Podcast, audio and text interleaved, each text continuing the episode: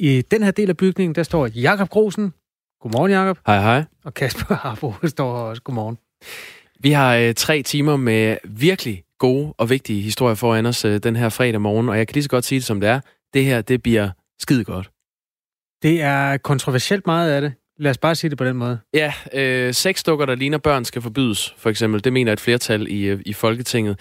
Vi taler med flere parter i den her sag. Vi skal blandt andet høre fra et øh, offer for pædofili, hvad hun tænker om det her forbud. Øh, og så skal vi tale med en indehaver af en hjemmeside, der sælger øh, sexdukker. Jeg ved også, at i næste time, altså den, der mellem, 6 og, eller mellem 7 og 8, der skal vi snakke med en vanvidsbilist. Det bliver ja. også interessant. Vi skal også tale med flere kristne friskoler, det skal jo allerede kvart i syv, øh, som har fået en løftet pegefinger fra undervisningsministeriet. Og det er fordi, der advares mod ensidighed i seksualundervisningen. Mm. Skolerne bruger blandt andet materiale fra Indre Mission, og der hedder det så jo, at homoseksuelle er let på afveje for Gud, især hvis man dyrker sex. Det er sådan en historie, vi skal dykke ned i kvart i syv. Og øh, så holder et kunstværk i København, De Hjemløse Vågne. Øhm, den skal vi også øh, dykke ned i snart. Du lytter til Radio 4 morgen.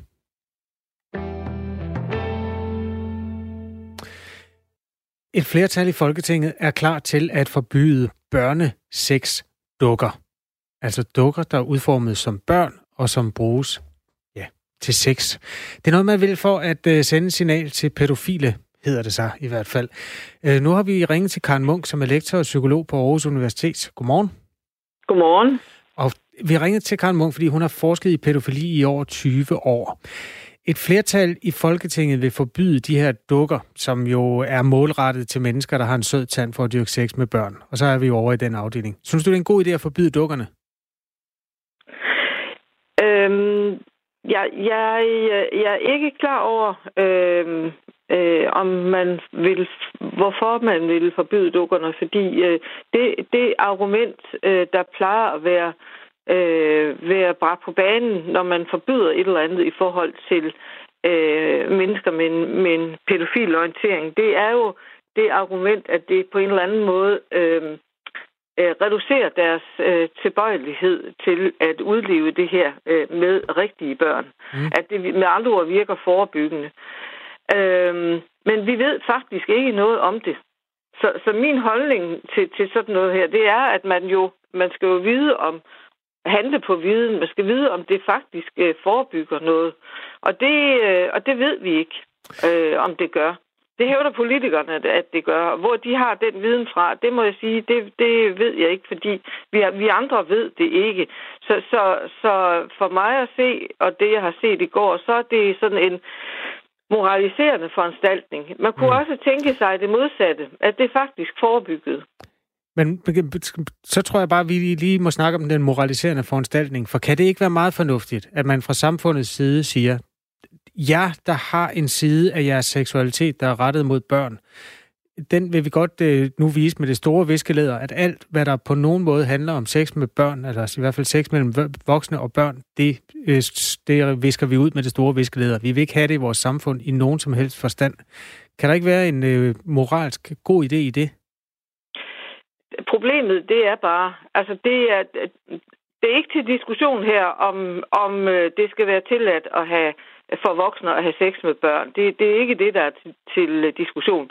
Det, der er til diskussion her, det er, hvordan vi som samfund håndterer, at, øh, at der faktisk er mennesker, der har den her seksuelle orientering, som man ikke kan udrydde. Og jo mere man fordømmer øh, og, og, og moralisere over det, jo værre får de det, de her øh, personer, og jo mere skjuler de sig. Og det var øh, som, som samfund var det klogere, hvis vi øh, gjorde noget for at få dem frem i lyset og give dem hjælp, øh, i stedet for at fordømme. Mm. Fordi øh, der, er ikke, der er ikke meget, der tyder på, at al den øh, tabuisering, som, som kører og som efterhånden går i selvsving, at, øh, at den hjælper noget som helst, og det, er, og det i, i sig selv er godt for børn. Men det er jo Munk... også rent retsligt sådan, at, at, øh, at, at nu kan man så dømmes for, øh, for noget, som ikke skader nogen. Mm. Øh, det er jo ikke rigtige børn. Nej. Så Men, ja. men det kan man jo så argumentere for i forskellige grader af, af pornografi og sådan noget. Altså, at, at der er Nej. en... Jamen prøv at høre, øh, det jeg egentlig vil ja. spørge om, det er, er der, en, øh, er der en mulighed for at hjælpe dem, hvis de kommer ud i lyset? Siger din ja. erfaring det? Uh, ja, altså man laver jo forsøg uh, med det i, uh, i Canada og nu også i England, ikke? At, at, uh, og uh, man har også lavet, lavet også forsøg i Tyskland. Altså man, man har anonym rådgivning og, og, øh, og i Kanada for eksempel, ikke, der, øh, der har man sådan, der slutter man en, en ring omkring, øh, omkring øh, personer, der er dømt øh, for det her, og, og hjælper dem med at få et godt liv igen, og øh, er omkring dem, hvis de føler sig fristet af, af noget. Nu er Men det kan, her... man, kan, man, øh, kan man fjerne den tilbøjelighed fra folk, der har den? Nej, det kan man ikke. Det, man kan gøre, det er, at man kan, man kan prøve så godt man kan at, og hjælpe dem med til at få et godt liv, så de har noget at tabe og hjælpe dem over til. Mange af dem er jo ikke selektive, øh, altså øh, øh, pædofile, men, men kan også, øh, øh, kan også være interesseret i voksne kvinder eller voksne mænd og få et godt liv med det, men så have den der lille tilbøjelighed.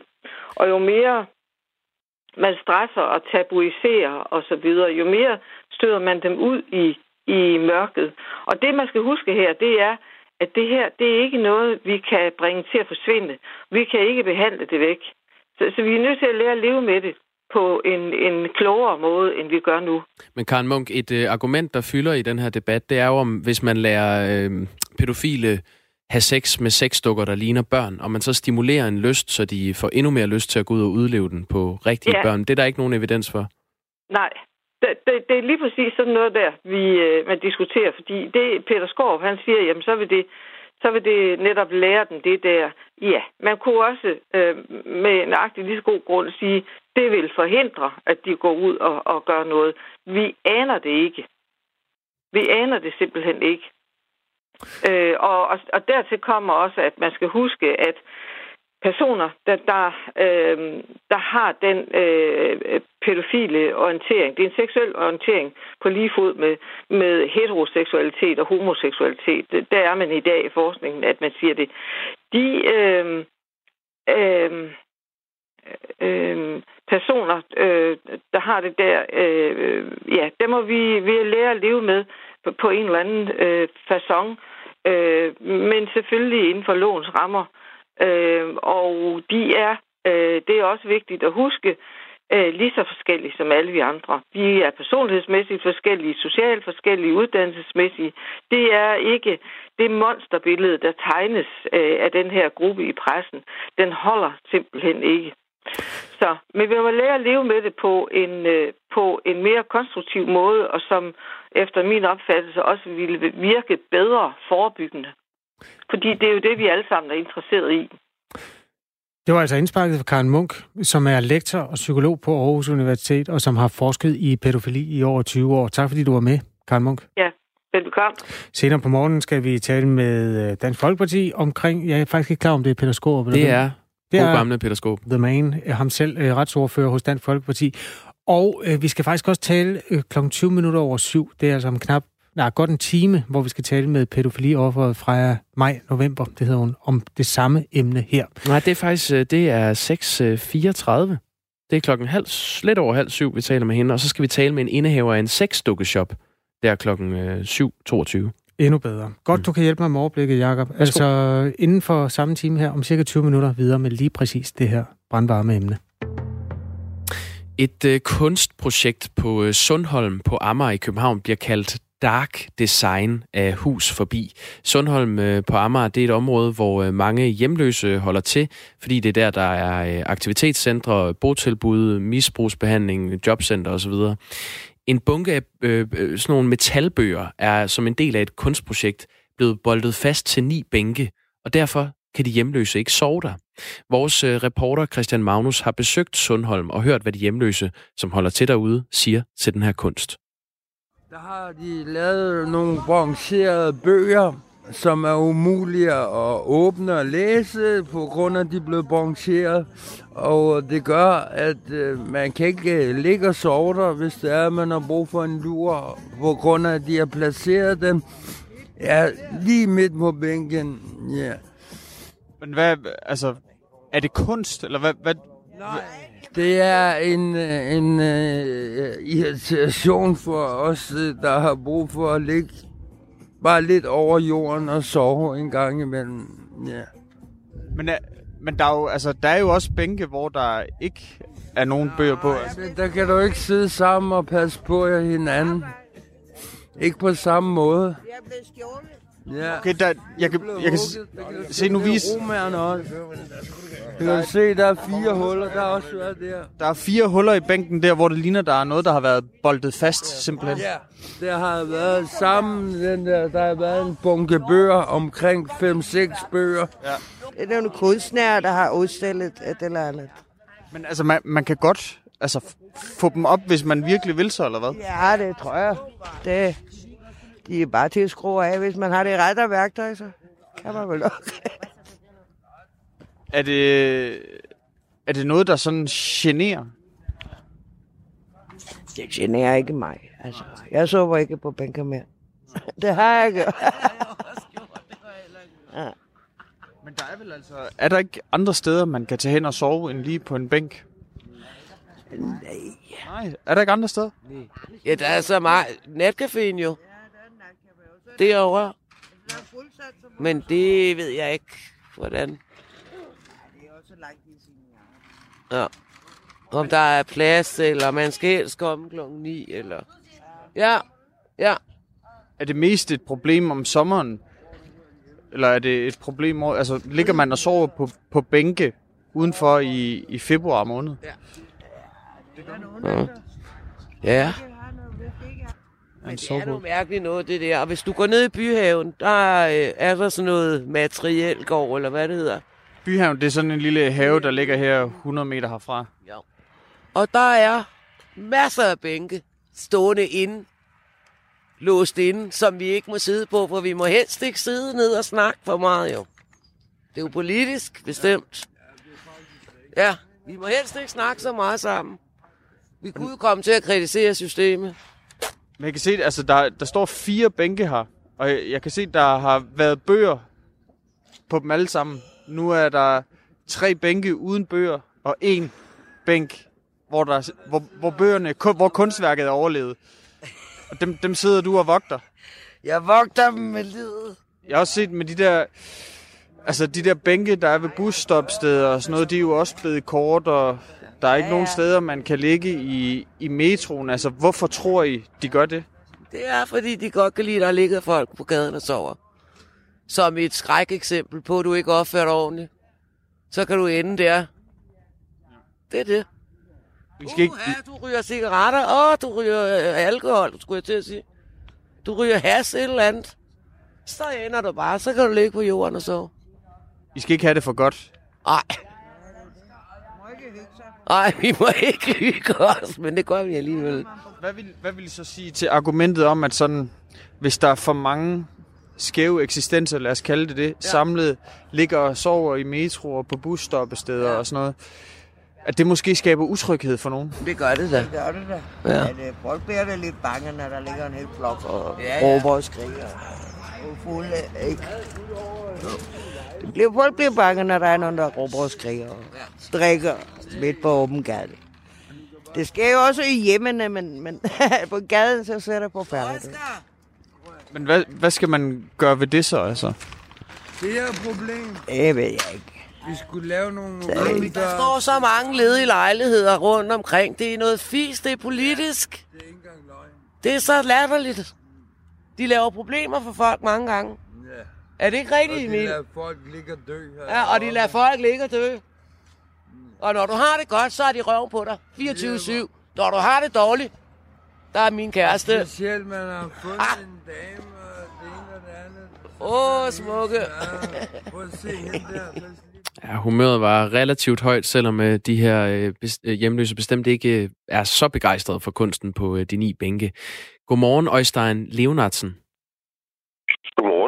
Kvartermanager ved Københavns Kommune, og så er du øh, tovholder på det her kunstprojekt, der generer de øh, hjemløse. De mener altså, det er politisk. Hvad, hvad var meningen med de her ni øh, kunstværker? Jamen altså, øh, bænken blev etableret øh, i 2012 som en øh, del af en øh, større by- byrumsrenovering i hele Sundhavnskvarteret, altså ikke kun på Sundhavn. Og øh, der nedsatte vi en øh, lokal arbejdsgruppe bestående af beboere og borgere fra, øh, fra kvarteret, som øh, sammen med nogle kunstfaglige folk øh, udvalgte tre kunstværker, hvor de her øh, bøger var, var et af dem. Og øh, ideen var sådan set at øh, gøre gaden til dagligstue. Øh, tage elementer fra dagligstuen og bringe det ned på gaden. På Sundhavn kan man også finde sådan nogle mormorlamper, som vi kalder dem.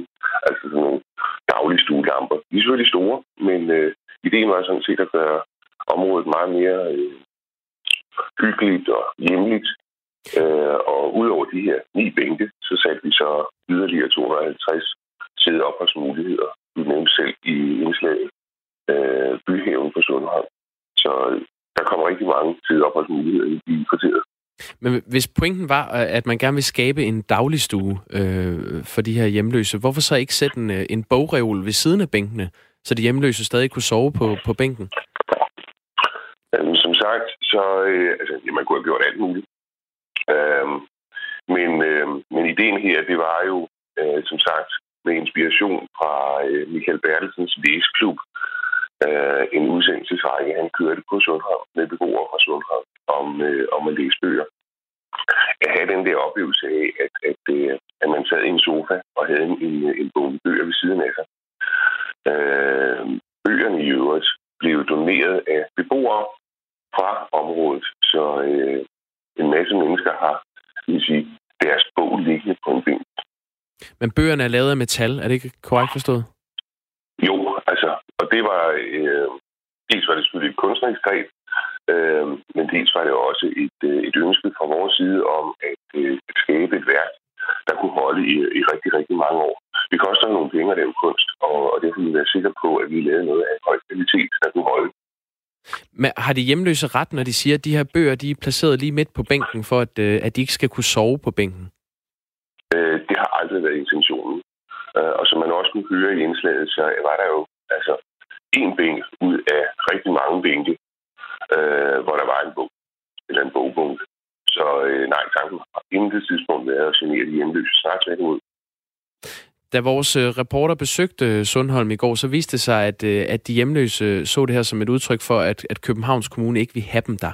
Øh, kunne du være øh, villig til at fjerne de her kunstværker, så de hjemløse igen kan, kan ligge på bænken og kan, kan føle sig hjemme? Øh, det kan jeg ikke. Øh, Hvorfor ikke det? Altså, værkerne er... Øh, ej, det... Øh, øh,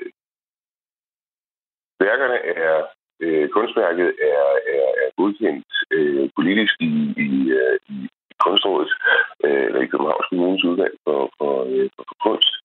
Øh, så det vil ikke være Øh, altså, det skal være en politisk beslutning, hvis man ønsker det Man kunne måske, øh, Øjstein øh, Leonardsen, kvartermanager ved, ved Københavns Kommune og, og altså tårholder på det her kunstprojekt, øh, man kunne måske synes, det var lidt besynderligt. Altså en bænk er jo til for at sidde på, eller hjemløse bruger det så øh, også til at sove på. Der er jo ikke så mange steder at lægge sig. Øh, er det ikke lidt besynderligt, at man lige præcis på bænken placerer kunstværker, så man ikke kan, kan bruge bænken til den funktion, den burde have? En øh, bænksfunktion er at sidde på. Og, øh, og så funktionen, den, øh, den, den er opretholdt.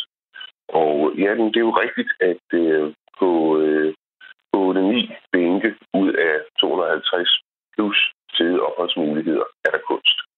Så der er masser af plads for folk, der gerne vil ligge ned.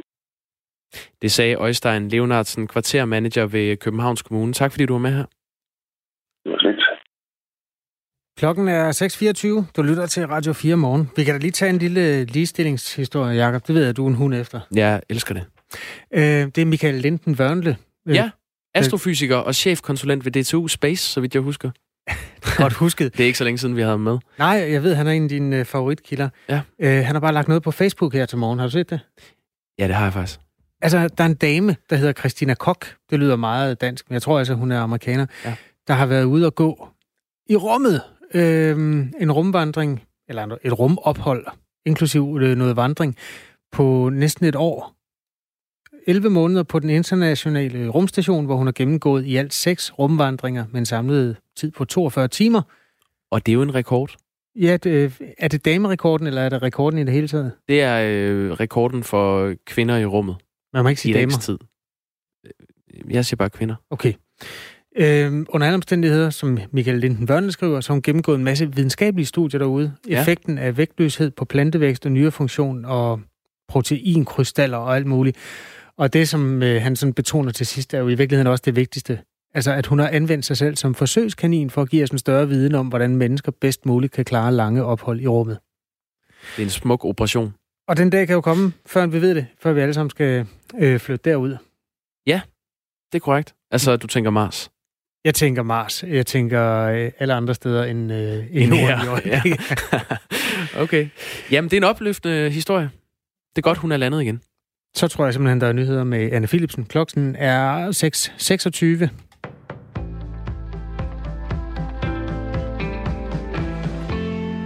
Den skovfond, som regeringen har afsat 100 millioner kroner til at oprette i år, den dur ikke til at kompensere for danskernes CO2-udslip fra eksempelvis flyrejser. Det er meldingen fra flere kritikere i politikken i dag.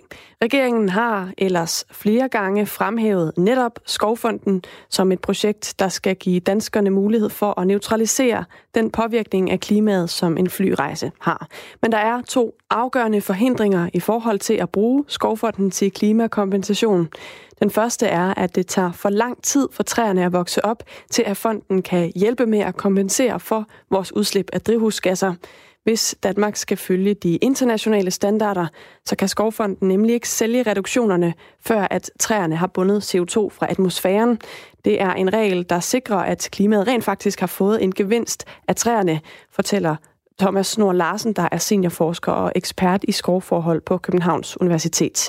Men, siger han, konsekvensen er, at der går mindst 10 år, inden en dansk skovfond har en nævneværdig kompensation at sælge, lyder det.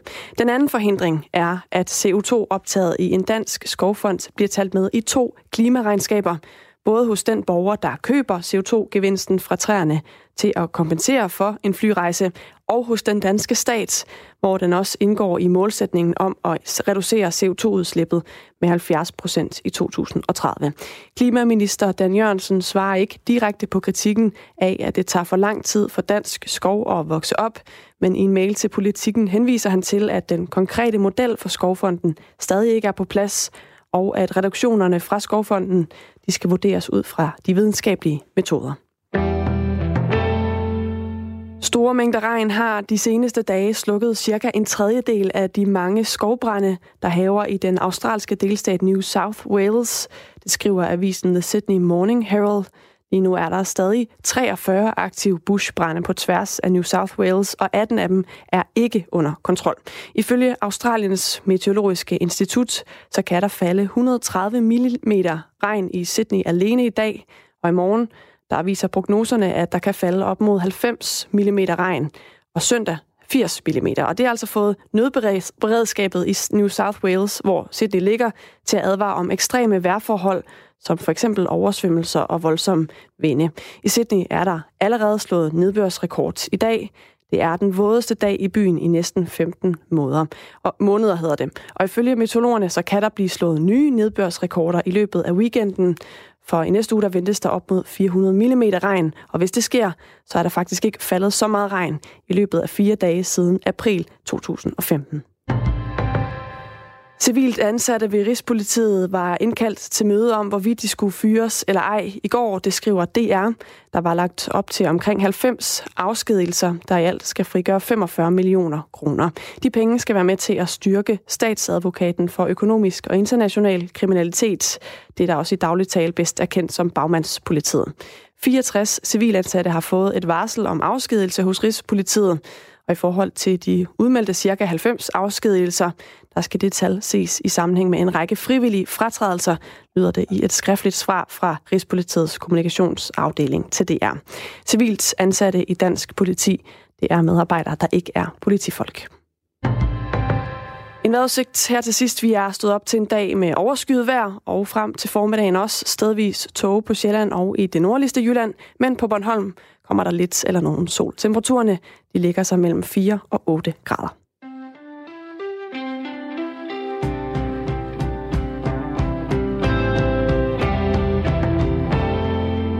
Et flertal i Folketinget er klar til at forbyde børnesex-dukker. Det sker for at øh, sende et signal til pædofile, lyder det fra partierne i Folketinget.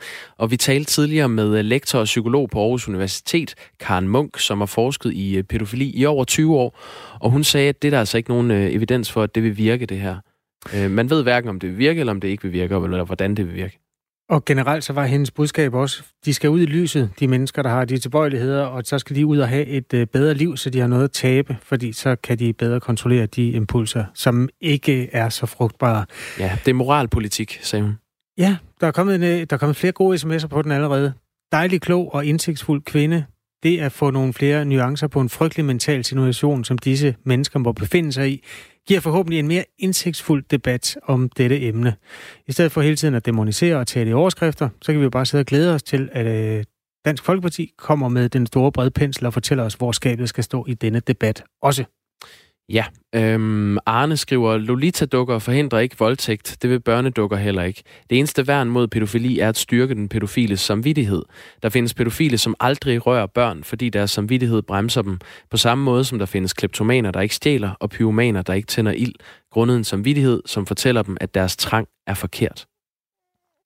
Det her, det er jo en masse tale rundt om et, øh, et problem, som meget få mennesker, hvad skal man sige, en tilbøjelighed, som meget få mennesker har, og et problem, som heldigvis meget få mennesker oplever. Men nu skal vi tale med et, der rent faktisk har stået i en situation. Ja, godmorgen Freja Maj November. Godmorgen, godmorgen. godmorgen. Du er blogger og foredragsholder, og så øh, blev du udsat for et uh, seksuelt overgreb, da du var 6 år gammel, uh, skal ja. vi lige starte med at sige. Du synes, det er godt, at uh, børnesexdukker nu uh, skal forbydes. Hvorfor? Øhm, jamen, nu kunne jeg høre nogle af kommentarerne, er jo lidt enig med mig, at jeg lige har læst op, at, at jeg tror, det er en øh, forfærdelig glidebane. Øhm, og øh, og tillade de her dukker. Øhm, både det, at, at man, nu ved jeg ikke noget om, hvordan det er at være pædofil, men jeg tænker det der med at flytte øhm, tankerne over til en fysisk dukke, så er der pludselig ikke langt fra den der fysiske, meget livagtige dukke til et rigtigt barn. Øh, og jeg synes i det hele taget overhovedet ikke, at vi skal seksualisere børn, øh, og at de der dukker skal findes. Bare lige for at få faktaboksen helt på plads øh, fra maj november. Sidder du med et barn lige nu? Ja. okay, og det er et rigtigt levende barn, det er dit, dit ja. eget går ud fra? Ja, det er mit eget levende barn. Ja, hyggeligt. Ja. Godt. Yes. Øh, fra maj november, vil du, ikke, vil du ikke prøve at sætte nogle flere ord på, hvorfor du tror, det er en glidebane, det her med, at man, øh, hvis man skulle tillade øh, folk at have sex med, med børnedukker? Jamen, øh, fordi jeg, jeg ved ikke, altså jeg kender ikke til forskning på området, og jeg ved ikke om, om de der dukker, er de, altså, er de med til at løse et problem, eller er de med til at gøre et problem større? Øh, og, og bare det, at vi som samfund øh, tillader, at Nå, men du, du kan bare gå hen og købe sådan en dukke af et barn, og så forgribe dig på det, så, så er alt godt. Altså det, det, øh, det er bare, det virker bare helt forkert. Og, og jeg tænker også det der med, at ja, at vi seksualiserer børn øh, i form af, af dukker, at jamen, så kan du bare købe en dukke, som du kan bruge. Altså det, for det første tror jeg ikke, det løser noget problem, og for det andet, så, øh, så synes jeg også bare, det er et meget mærkeligt signal at sende, at jamen, det, det har vi det fint med, så at I godt kan. Ja, øhm, for, for når en, det så er sagt, så altså, der skal jo en løsning på bordet. Jeg tror bare virkelig ikke, at det er den her. Nej, altså forskeren øh, Karen Munk, som har forsket i pædofili i, i 20 år, hende havde vi med for en uh, halv times tid siden, og ja. hun sagde, at uh, der er altså ikke nogen evidens for, at, uh, at når man tillader uh, folk, pædofile, at have sex med børnesexdukker, at, de så, øh, at der er kortere vej til at forgribe sig på et barn. Altså det er der ikke Nej. noget øh, forskningsmæssigt øh, belæg for at sige. Øh, så hvad, hvad tænker du om det? Ændrer det på din holdning til det her? Nej. Hvorfor altså, ikke? At, Jamen, jeg ved ikke, om det er, fordi jeg selv har været offer for det, altså, og tanken om, jeg er jo selvfølgelig følelsesstyret i den her snak, øhm, og tanken om, at du, kan, at du kan købe en dukke, som ligner et barn, altså, hvad så, må man så også tage den dukke med ud? Kan vi risikere at møde den der dukke et eller andet sted? Øhm, hvad ville det betyde for dig, hvis du, hvis du så øh, en mand komme gående med sådan en dukke? Jamen, det ville væk alle mulige grimme ting. Øhm, og jeg har faktisk, nu så jeg nogle billeder af de der dukker, fordi jeg lige googlede i går, øh, sådan, i forbindelse med den her snak, noget, nogle artikler om emnet og sådan noget. Øh, og jeg fik det helt dårligt bare ved at se billedet på internettet af, altså det er jo ikke bare en dukke, det er jo en dukke, der er lavet til det formål, at man skal have sex med den dukke, og det ligner et barn, og det har kropstemperatur som et rigtigt menneske, og kan sige lyde og sætninger nu. Altså det er bare utroligt tæt på virkeligheden, og, og det føles som at lege med ilden. Øhm, og, og øh, ja, jeg, jeg tror bare, altså det her med sådan, at vi øh, bilder os ind, at det kan være en løsning på noget, det, det tror jeg bare er rigtig forkert. Og jeg har også den holdning, at man ser det jo inden for, det er ikke så lang tid siden, det har været i nyhederne inden for pornoindustrien, at det skal være vildere og vildere. Altså i, i starten var det en mand og en kvinde, og så blev det, og nu er det sådan noget med monstre og øh, alle mulige mærkelige ting. Og det er sådan, vi, vi må bare, altså den vej skal vi simpelthen bare ikke gå ned af. Men børneporno øh, er stadig ikke tilladt, og det, øh, det bliver det nok heller ikke, skal vi regne det med. Det. Øhm, der, ja. der findes ikke nogen evidens på, om, om de her børnesexdukker, de har nogen effekt på, øh, på pædofili, men det er altså Dansk Folkeparti, Socialdemokraterne, Enhedslisten og SF, som alle går ind for et, øh, et forbud. Og det blev forbudt i Norge øh, under stor debat sidste år, Øh, der er lige nu ikke nogen danske butikker, der sælger de her dukker, men de kan nemt øh, købes på, på nettet og bestilles mm. hjem, hvis, øh, hvis det er noget, man, øh, man har lyst til. Men ja. øh, fra maj og november, kan, kan du ikke frygte, at det her det kommer til at betyde, at, at der er færre pædofil, øh, pædofile, der får hjælp til at takle deres øh, tilbøjelighed? Jamen, hvis, altså, hvis jeg troede, som offer for en pædofil, hvis jeg troede, at de her dukker, de kunne hjælpe sådan så børn de ikke bliver udsat for overgreb, så, ville jeg, så, ville, så skulle de være på hvert gade, gadehjørne. Øh, men det tror jeg bare ikke på. Øh, jeg tror ikke på, at hvis man øh, sidder alene med tankerne, og man køber den der dukke, at så er alt bare godt, og så slutter rejsen ligesom der. Øh, jeg tror til gengæld, der skal være noget hjælp, og der skal være noget mere oplysning, fordi pædofili er, er det værste. Altså, du kan ikke gå nogen steder hen og snakke med nogen om det øh, i dag. Så hvis forbuddet står alene, og der ikke, det ved jeg ikke teknisk set, om, om, øh, om det gør, men, og der ikke er noget andet i stedet for, så synes jeg også, det er et problem. Men dukkerne løser bare ikke noget. Øh, der skal noget andet til, og jeg tror nok, man ved, det er et gæt, øh, at, altså, at det, man kan få hjælp til pædofili og til at takle sine tanker og sådan noget. Men som, det, det er ikke dukken, der er løsningen. Som, som offer for det her, hvor du har øh, været udsat for et overgreb på, på egen krop, Hvordan ser ja. du så på, øh, på det at have en pædofil tilbøjelighed, også selvom det er en person, der ikke udlever det? Altså synes du, at det, ja, hvordan, hvad tænker du om et menneske, der er pædofil? Jamen, jeg tænker, det er en sygdom. Øhm, ja, jeg, øh, jeg, jeg tror ikke, at det er onde mennesker. Øhm, jeg tror, det er svært. Øh, jeg, altså, de er jo også forskellige. Nogle har sikkert en bevidsthed om, at det, deres tanker de er sindssygt forkerte, og måske ved de ikke, hvor de skal gå hen. Og, øh, og nogen har ikke en bevidsthed, og er måske ligeglade. Øh, men det er ikke sådan, jeg sidder og tænker, at det er onde mennesker, og jeg tænker, at de skal have hjælp. Øh, men vi skal, bare, vi skal bare give dem en ordentlig hjælp, i stedet for at give dem et stykke legetøj, som måske virker i den tid, det lige er spændende. Øh. Tak for det indspark. Øh, blogger og foredragsholder Freja Maj November, øh, der som seksårig blev udsat for et, øh, et overgreb af en voksen. Det var fint, du lige deltog i debatten og nuancerede lidt. Ja, selv tak. Senere på morgen der spørger vi Peter Skåb fra Dansk Folkeparti, hvorfor han synes, det er en god idé at forbyde de her børnesexdukker. I går havde vi et interview med idrætsprofessor Werner Møller, som skulle hjælpe os med at forstå en historie, der er kørt i sportens verden, i ugens løb. En dopingmistanke, som angiveligt har været rettet mod Danmarks bedste cykelrytter, Jakob Fuglsang. DR var et af de medier, der forleden kunne fortælle, at Jakob Fuglsang var blevet undersøgt for, om han havde noget at gøre med en meget berygtet dopinglæge. Hans navn er Michele Ferrari. Og i rapporten, jamen, den slog faktisk fast, at der kunne ikke bevises nogen forbindelse mellem Jakob Fuglsang og lægen her. Det interview, vi, vi lavede i går i Radio 4 Morgen, det kom til at handle meget om Danmarks Radio. Fordi Werner Møller, som vi har besøg af, han sagde blandt andet sådan her om indslagene om Jakob Fuglsang. Jamen, han, er, han, er blevet, øh, han er blevet fedtet ind i øh, cykelsportens dårlige dopinghistorie, og uden at vi har... Jeg håber stadigvæk på, at Danmarks Radio de viser sig som øh, det øh, seriøse medie, de er, og fremlægger beviserne. Men da jeg så Line Gertsen stå på Dan, øh, Danmarks Radio i går, skuffet, og, og nærmest sådan, som om hun havde bidt i en citron, øh, sige, jamen, øh, det ser ud som om, de ikke går videre med sagen. Så måske skulle vi ikke have bragt det, men på den anden side, så er han jo øh, nu sat i forbindelse med det, nemlig af os. Det var simpelthen så ynkeligt, så jeg tror ikke, de har noget. Det bliver så også en diskussion om, hvordan man laver kritisk journalistik om cykelryttere, der ikke er dømt for noget. For lige at give Danmarks Radio muligheden for at svare, har vi ringet til nyhedschef Thomas Falbe. Godmorgen. Godmorgen. Har Danmarks Radio noget dokumentation for, at Fuglsang omgås den her dopinglæge? Altså det vi jo meget grundigt har lagt frem, det er indholdet i den her rapport fra en uafhængig dopingmyndighed, som jo øh, på baggrund af oplysninger og efterretninger, som er kommet dem hen, har i gang sat en undersøgelse af det professionelle cykelhold Astana og helt konkret mod øh, Jakob Fuglsang.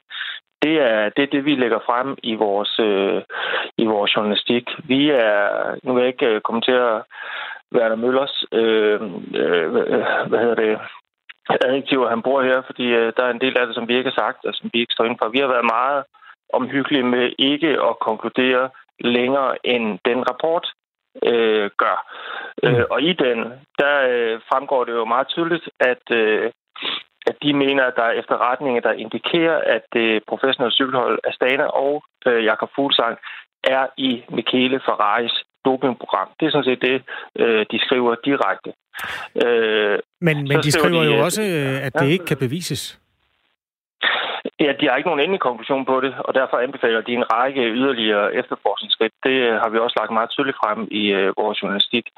Øh, der, er ikke, øh, der er ikke tale om en, øh, en frikendelse eller øh, noget andet, fordi de efterretninger, som de har igangsat øh, den her undersøgelse på, og den mistanke, de står sådan set stadigvæk til trone.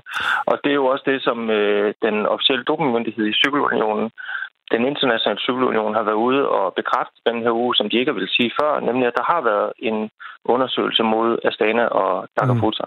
Men det er sjovt, du bruger ordet frikendt, fordi øh, skal man ikke øh, først, hvad skal man sige, sigtes, før man skal frikendes? Altså er det, er det Astana og Jakob Fuglsangs egen opgave at bevise, at han og holdet ikke har gjort noget forkert? Ja, nu, nu har de jo øh, sagt og ikke vil øh, sige ret meget øh, til hverken os eller andre medier, der har øh, bragt den her historie. Det har de jo haft øh, muligheden for at gøre. Men, men jeg vil sige, alene det, at der finder en sådan efterforskning sted på baggrund af konkrete mistanker, øh, som er det, der er tilfældet, øh, det er så ekstraordinært og så opsigtsvækkende, at det er en væsentlig nyhed. Det øh, drejer sig om professionel cykelsport, som har en helt særlig historik. Øh, og det har ikke mindst også øh, det professionelle cykelhold Astana og deres øh, sportsdirektør. Øh, og, og der må man bare sige, at der er den professionelle cykelsport under øh, skærpet opsyn og skal også finde sig i øh, en, en kritisk presse, som, øh, som forsøger at finde ud af, hvad der er, der egentlig foregår. For det er ikke en sport, som har haft på vane at svare øh, ærligt, når de er blevet spurgt til den slags tidligere. Rapportens konklusion er, at det har ikke været muligt i første omgang at knytte en forbindelse mellem Michele Ferrari eller hans søn Stefan Ferrari til Jakob Fuglsang eller andre af stanerytter gennem, som der står, offentligt tilgængelige oplysninger på sociale medier og den slags. Øh, idrætsprofessor Werner Møller, han siger sådan her om den del af det. Jamen, så bliver jeg jo mere forundret, sådan som dagene går, fordi at det starter med, at, øh, at der er den her rapport, som sætter ham i forbindelse med øh, med Ferrari. Men øh, i rapporten, der hedder det så, at man kan ikke etablere en forbindelse øh, mellem Fuglsang og øh, Ferrari. Altså, nu bliver det meget detaljeret, det her, Thomas Falbe, men når nu Danmarks Radio sender den ud under overskriften, Jakob Fuglsang efterforsket for forbindelse til kendt dopinglæge, så kunne man jo også have valgt den overskrift, der hed Jakob Fuglsang frikendt for samarbejde med dopinglæge. Nej, det kan man lige præcis ikke. Øh, og jeg synes, at øh, Werner Møller han plukker lidt selektivt i de informationer, vi har lagt frem, og de øh, citater, vi har bragt fra rapporten. Fordi det, der står præcis der, det er, at man ikke gennem offentligt tilgængelige oplysninger på sociale medier kan knytte øh, Ferrari og øh, hans søn, som øh, stadigvæk åbenbart styrer hans øh, dopingprogram, sammen med Jakob Fuglsang. Der står samtidig, at der er konkrete oplysninger om, hvornår Ferrari er øh, set øh, i nærheden af der, hvor Astana har trænet eller kørt cykelløb.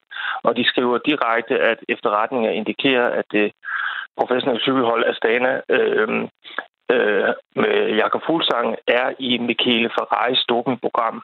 Så det, at øh, der ikke er nogen beviser for øh, på sociale medier, at der er en direkte forbindelse mellem dem, det er ikke det samme som en konklusion om, at rapporten øh, frikender ham det, de skriver, det er det, jeg lige har citeret præcist. Så det er sådan lidt selektivt øh, udvalg i forhold til de informationer, vi har lagt frem, og tage den konklusion.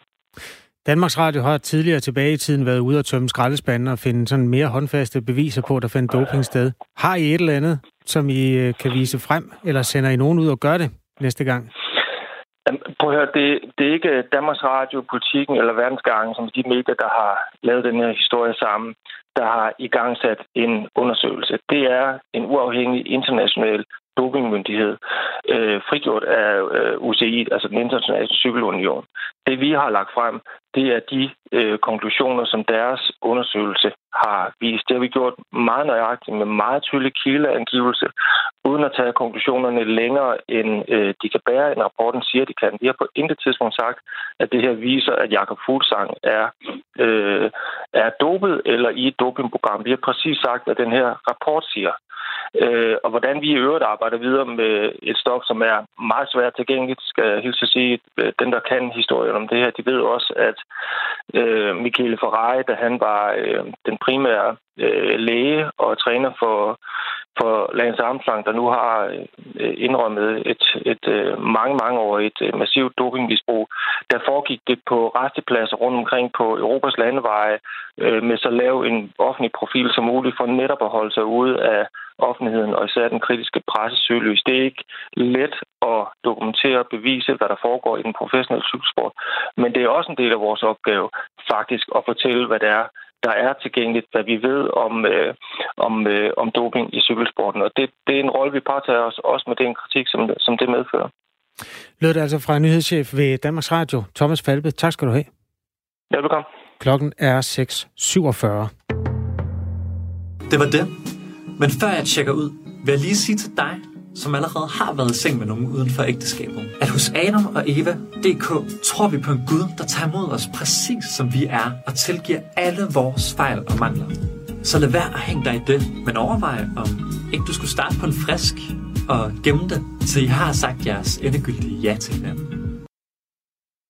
Det her budskab det kommer fra hjemmesiden adamogeva.dk. Det er en øh, indre missions hjemmeside målrettet øh, børn og unge, som også omtaler homoseksualitet som en grundskade og påpeger, at øh, homoseksuel sex leder os på afveje væk fra Gud. Sex før ægteskabet kan ifølge den her hjemmeside adamogeva.dk skabe afstand til Jesus og er hverken ufarligt eller uskadeligt. Øh, hjemmesiden den bliver sammen med andet indre missionsmateriale brugt i sex, øh, seksualundervisning på flere kristne friskoler i, øh, i Danmark, og det har fået Styrelsen for Undervisning og Kvalitet til at advare tre kristne friskoler mod ensidighed i seksualundervisningen. Vi har øh, haft kontakt til to af de øh, tre øh, friskoler.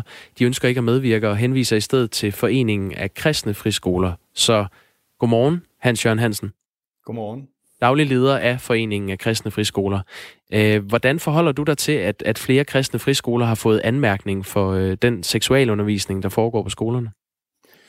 Jamen, vi er efter, at der har været tilsyn med de tre skoler, øh, som var sådan et tematisk øh, tilsyn, så øh, havde vi et møde med, med ministeriet for at lige at afklare, hvad det er, der ligger i deres kritik, fordi vi har en, en friskolelov, der der giver forældre lov til at have en, en friskole, som bygger på de holdninger, som, som forældrene mener er de rigtige for, for deres børn.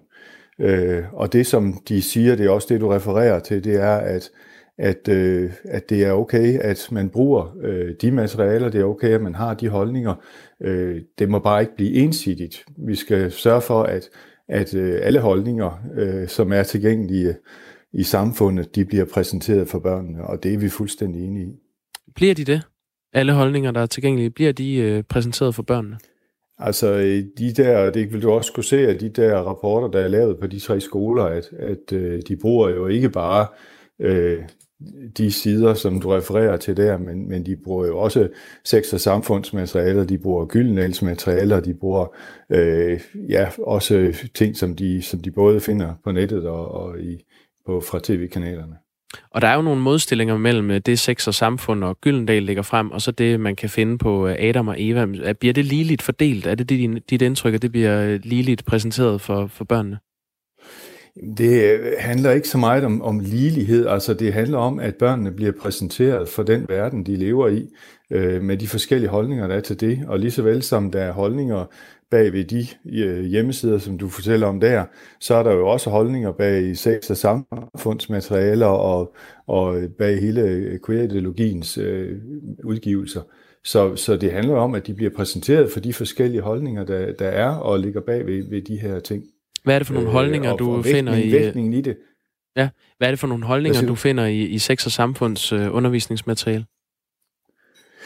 Jamen, sex og samfund har jo en, en, øh, en helt anden holdning til, hvordan, hvordan at vi som bliver til som mænd og kvinder, altså fordi de, øh, de har jo en, en, en grundholdning, der siger, at, at, at køn er en konstruktion. Altså det er noget, du, du selv øh, skal finde ud af, om du er dreng eller pige. Du kan ikke, øh, du kan ikke bare forholde dig til dit biologiske køn, men, men skal, skal finde ud af, af hvordan det er øh, du nu vil, vil leve din, din seksualitet og, dit, og, og definere dit køn. Øh, og og det, er jo så, det er jo så en holdning at have. Vi mener så, at der er en anden holdning, som også skal præsenteres. Og det gør vi så på de kristne friskoler. Vi kunne også godt ønske, at, at begge holdninger blev præsenteret, for eksempel i folkeskolen, fordi der er flere, flere måder at se det her på. Er det lidt af pligt, at I præsenterer sex- og samfunds holdning til, til køn? Nej, det er det ikke. Det er, det er, er fordi, vi mener faktisk, at hvis børn skal, skal, finde, skal kunne agere og, og finde sig selv i den her verden, så, så, skal, de, så skal I kende øh, de forskellige øh, muligheder, der er for at, at, at definere sig selv og, og finde ud af, hvem er jeg egentlig. Øh, så, så det er absolut ikke af pligt. Det er helt, helt klart øh, et hensyn til, til børnenes øh, identitetsudvikling. Hans Jørgen Hansen, øh, hvor alvorligt er det for, for jer, at, at tre af jeres skoler har fået at vide, at, at myndighederne nu holder øje med, hvordan der bliver undervist i seksualundervisning? Jamen det er ikke, altså det, det, skal jo, det skal jo understreges, at det er tematisk tilsyn. Altså det er jo ikke fordi, de, de er jo blevet, øh, som styrelsen siger, tilfældigt udvalgt, har de udvalgt ni skoler, for lige at se, hvordan ser, ser seksualundervisning ud på alle friskoler. Øh, de tre af de ni er så fra de kristne friskoler, øh, og, og der har man så øh, undersøgt det, og så har man lavet en, en rapport øh, til hver af skolerne, der øh, klart siger til dem, jamen sådan som vi har set det, så er der ingen problemer i det. I, I lever op til, til friskoleloven, I, I leverer en undervisning, der står mål med, hvad man har i folkeskolen, og så er det, de siger, I skal bare lige, det vi har set, skal I lige være opmærksom på, at I ikke kun må præsentere den ene holdning. Og det er, det er fair nok, og det er vi fuldstændig med på, og fuldstændig klar over, at sådan skal det være. Nu, nu åbner du for, for den her rapport selv, hvad, hvad det er, der står, øh, den her rapport fra Styrelsen for Undervisning og Kvalitet. Og der, der står altså sådan her. Disse materialer her i blandt Adam og Eva.dk fremlægger efter styrelsens umiddelbare opfattelse en forholdsvis ensidig forståelse af, hvad der definerer det rigtige og det forkerte i relation til unges livsstil, levevilkår, relationer og seksuel sundhed, herunder i forhold til homoseksualitet. Styrelsen finder i den forbindelse anledning til at understrege vigtigheden af, at der ikke sker en ensidig anvendelse af materialet, og at der i undervisningen bør lægges vægt på, at eleverne diskuterer, reflekterer og tager kritisk stilling til indholdet. Og, øh, og på Adam og Eva.dk, der står sådan her. Homoseksualitet er en af disse grundst- øh, grundskader. Bibelen taler om, at homoseksualitet sammen med mange andre ting er et resultat af et samfund, som ikke vil kende Gud, og at mennesker er blevet fremmede over for Guds vilje. Homoseksualitet kan være en af de veje, som leder os tættere til Gud, hvis vi vender os til ham, i stedet for at dyrke homoseksuel sex. Men vælger vi at bruge vores homoseksuelle følelser til homoseksuel sex, leder det os på afveje væk fra Gud. Øhm, mener du, øh, at det er en grundskade at være homoseksuel? Men jeg forholder mig ikke til øh, de holdninger, der er i de der, øh, på de der sider. Jeg forholder mig til, at, at det er kristne friskoler, som har et grundlag, som gør, at de også tager den, øh, de holdninger med ind i deres undervisning. Jamen, hvorfor vil du ikke forholde dig til øh, indholdet og jeg kunne jo, af de holdninger? Jeg kunne, man kunne jo gå ind, man kunne jo gå i, i sex- og samfundsmaterialer at finde nogle ting, som jeg synes er helt absurde i forhold til, til hvordan man definerer sit køn, og hvad det er for et, en, en, en, øh, et totalt kaos, man sætter børn ind i. Øh, og og, og sådan, sådan kan vi jo, det kan vi jo diskutere, men, men, men det, der er vigtigt for mig, det er jo, at vi har en friskolelov, der giver os lov til at præsentere forskellige holdninger for børnene, og at vi får, har lov til at undervise ud fra, fra nogle bestemte holdninger, øh, fordi det er det, der er nogle forældre, der ønsker, at deres børn de skal undervise ud fra. Hvorfor vil du ikke forholde dig til de holdninger, der bliver undervist i? Jamen det er fordi, øh, jeg repræsenterer 34 kristne friskoler, øh, og øh, de, er, de er medlem af vores forening alle sammen, men de er vidt forskellige. Øh, og, og det vil sige, der er nogle skoler, som bruger øh, de materialer. Du vil også se, hvis du læser alle tre rapporter, at det ikke er dem alle tre, der, der henviser til det. Øh, så, så de bruger jo forskellige materialer på de forskellige friskoler. Øh, så derfor går jeg ikke ind i og siger, om det er rigtigt eller forkert, eller hvad det er. Jeg går ind i og siger, at det her, det her det er, det er den frihed, de har som kristne friskoler. Men der er vel nogle holdninger, du ikke vil have, at man underviser i på skolerne? Nej, det, øh, det, det kan jeg ikke sidde og være dommer over, hvad for nogle holdninger de, de må undervise i eller ikke undervise i. Jeg, jeg kan forholde mig til, at de, at de skal holde sig inden for friskoleloven.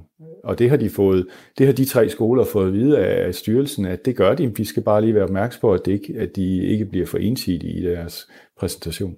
Og det er jo det, altså man for ensidigt underviser i, øh, at homoseksualitet, øh, i hvert fald hvis man udlever det, er en eller anden form for, for synd. Jeg kunne godt tænke mig at spørge dig, kan, man være et godt menneske og en god kristen, hvis man lever i et ægteskab og har sex med en af samme køn? Jamen altså, det, det er jo, som jeg siger, det er ikke det, der, der er på spil her. Altså, det, det, det får du mig ikke til at svare på, fordi at, at det her, det handler om, om øh, friskoler, det handler om friskolers øh, ret til at, at undervise efter den overvisning, som de er bygget på. Jamen, det handler om, at de her friskoler, de underviser i, at homoseksualitet er en grundskade. Så det er meget relevant at høre dig, øh, som formand for, for friskolerne, hvad du tænker om det. Synes du, det er en grundskade at være homoseksuel? Mm. Jamen, det, det, det får du mig ikke til at svare på. Altså, fordi det er ikke, det er ikke, det er ikke et spørgsmål om, om, hvilken holdning jeg har på det her. Jeg har en holdning til, at vi har nogle friskoler, som er medlem af vores forening, som skal have lov til at undervise sådan, som de finder det rigtigt, øh, ud fra deres, øh, deres overbevisning. Sex og Samfund siger til os, at deres øh, materiale ikke siger, hvad der er rigtigt eller forkert i forhold til øh, seksuel orientering. Øh, men det gør Adam og Eva.dk vel når de direkte advarer mod homoseksuel sex og siger, at det er en grundskade at være homoseksuel. Hvad tænker du om det?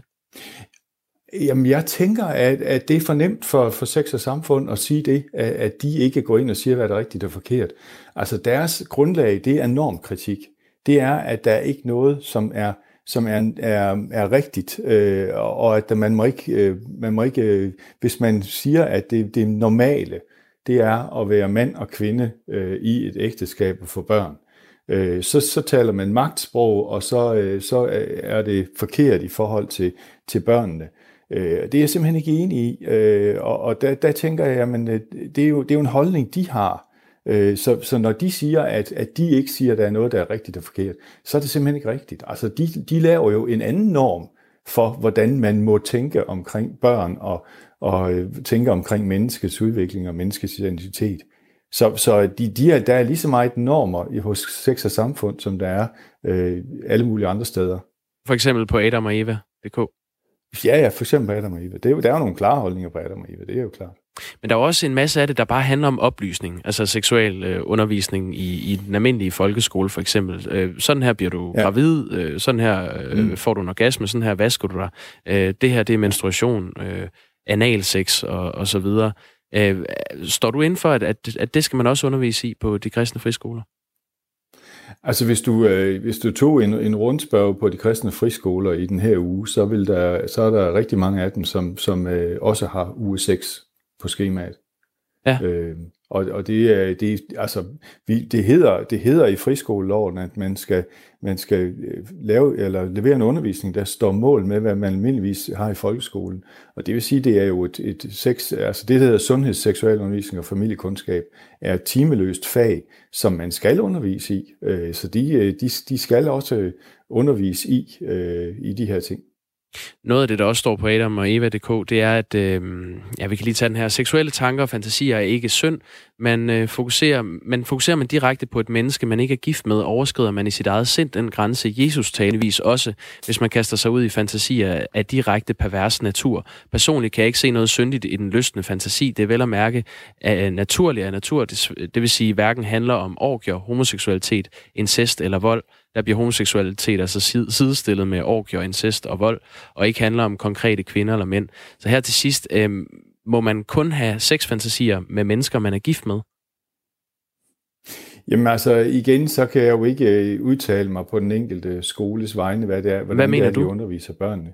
Jamen altså, jeg, jeg er vokset op i en, en klassisk øh, kristendom, og, og øh, der prøver vi at værne om, om seksualiteten og om, om øh, kærligheden, og, øh, og, og det vil sige, vi, vi siger, jamen øh, det er godt for os, hvis vi, hvis vi venter med at have sex, til vi bliver gift, og at, at, vi, at vi ligesom øh, prøver at se, jamen hvad er det, hvad er det faktisk, man får, hvis man, hvis man værner om, om seksualiteten på den måde der.